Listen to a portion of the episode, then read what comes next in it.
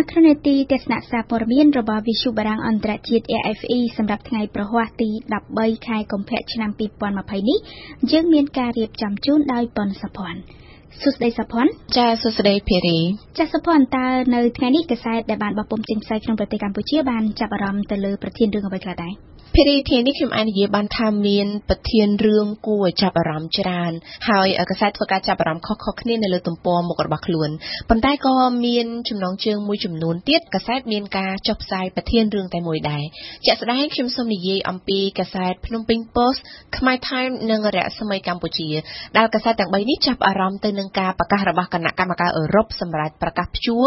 ផ្នែកមួយចំនួននៃប្រព័ន្ធអនុគ្រោះពន្ធ EBA ដល់កម្ពុជា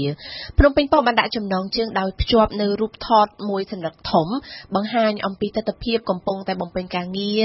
នៅក្នុងរោងចក្ររបស់កម្មករកម្មការិនីដោយដាក់ចំណងជើងថាគណៈកម្មការអឺរ៉ុបសម្រាប់ព្យួរផ្នែកខ្លះនៃប្រព័ន្ធអនុគ្រោះពន្ធ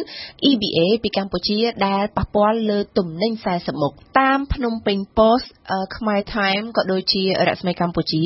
បានស្រង់ការលើកឡើងរបស់គណៈកម្មការអឺរ៉ុបដោយពន្យល់ថាការសម្រេចព្យួរនេះដោយលើកហេតុផលថាកម្ពុជា មានការរំលោភសិទ្ធិមនុស្សធ្ងន់ធ្ងរនិងជាលក្ខណៈប្រព័ន្ធចំណែកឯសេចក្តីសម្រេចនេះនឹងចូលជាធរមាននៅថ្ងៃទី12ខែសីហាឆ្នាំ2020ខាងមុខពលគឺនៅក្នុងរយៈពេល6ខែទៀតប្រសិនបើគ្មានការជំទាស់ពីសភាអឺរ៉ុបឬពីរដ្ឋសមាជិកអឺរ៉ុបណាមួយទេនោះ។ ក្រៅពីរឿងនេះភ្នំពេញប៉ុស្តិ៍ក៏បន្តចាប់អារម្មណ៍ដាក់ចំណងជើងធំបន្ទាប់របស់ខ្លួន ដោយថាអ្នកជំនាញកំពុងតែព្រៀងអនុក្រឹត្យបង្កើនការដាក់ទោសនិងផាកពិន័យលើអ្នកបើកបរល្មើសច្បាប់ចរាចរណ៍ដែលការប្រកាសយកឆ្នាំ2020នេះគឺជាឆ្នាំនៃការរឹតបន្តឹងការអនុវត្តច្បាប់ចរាចរណ៍ដើម្បីកាត់បន្ថយការស្លាប់និងរបួសដែលកំពុងតែមានការកើនឡើងភារីងាកមកនិយាយពីខ្មែរ Time and វិញចំណងជើងធំរបស់ខ្លួនក្រៅតែពីរឿង EBA នៅថ្ងៃនេះខ្មែរ Time បានបន្តចាប់អារម្មណ៍ម្មណ៍អំពីរឿងដែលក្រសួងព័ត៌មាន បានហៅអ្នកសារព័ត៌មានឲ្យទៅរៀនអំពីវិជ្ជាជីវៈជាអ្នកសារព័ត៌មាននៅថ្ងៃពុធខណៈការផ្សព្វផ្សាយរបស់ពួកគេមួយចំនួននៅខ្វះវិជ្ជាជីវៈ ចំណែកកម្ពុជាថ្មី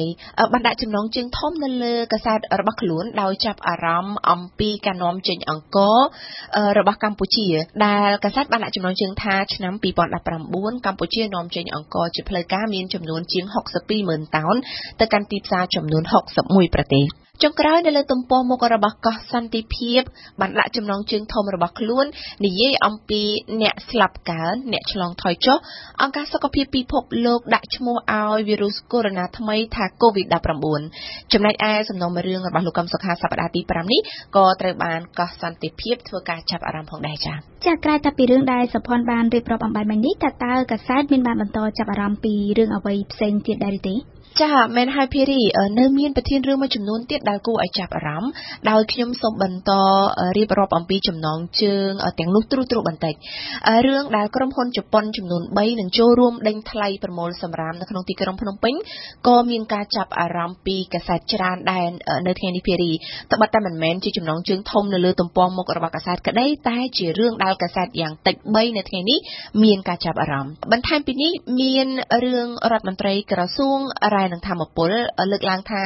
ឆ្នាំ2020នេះគ្រប់ភូមិទាំងអស់នៅទូទាំងប្រទេសនឹងមានបណ្ដាញអគ្គិសនីប្រើប្រាស់រដ្ឋាភិបាលស្វីសនៅតែបន្តផ្ដល់ថវិកាដល់មន្ទីរពេទ្យគុណភបុផាក្នុងមួយឆ្នាំ4លានដុល្លារ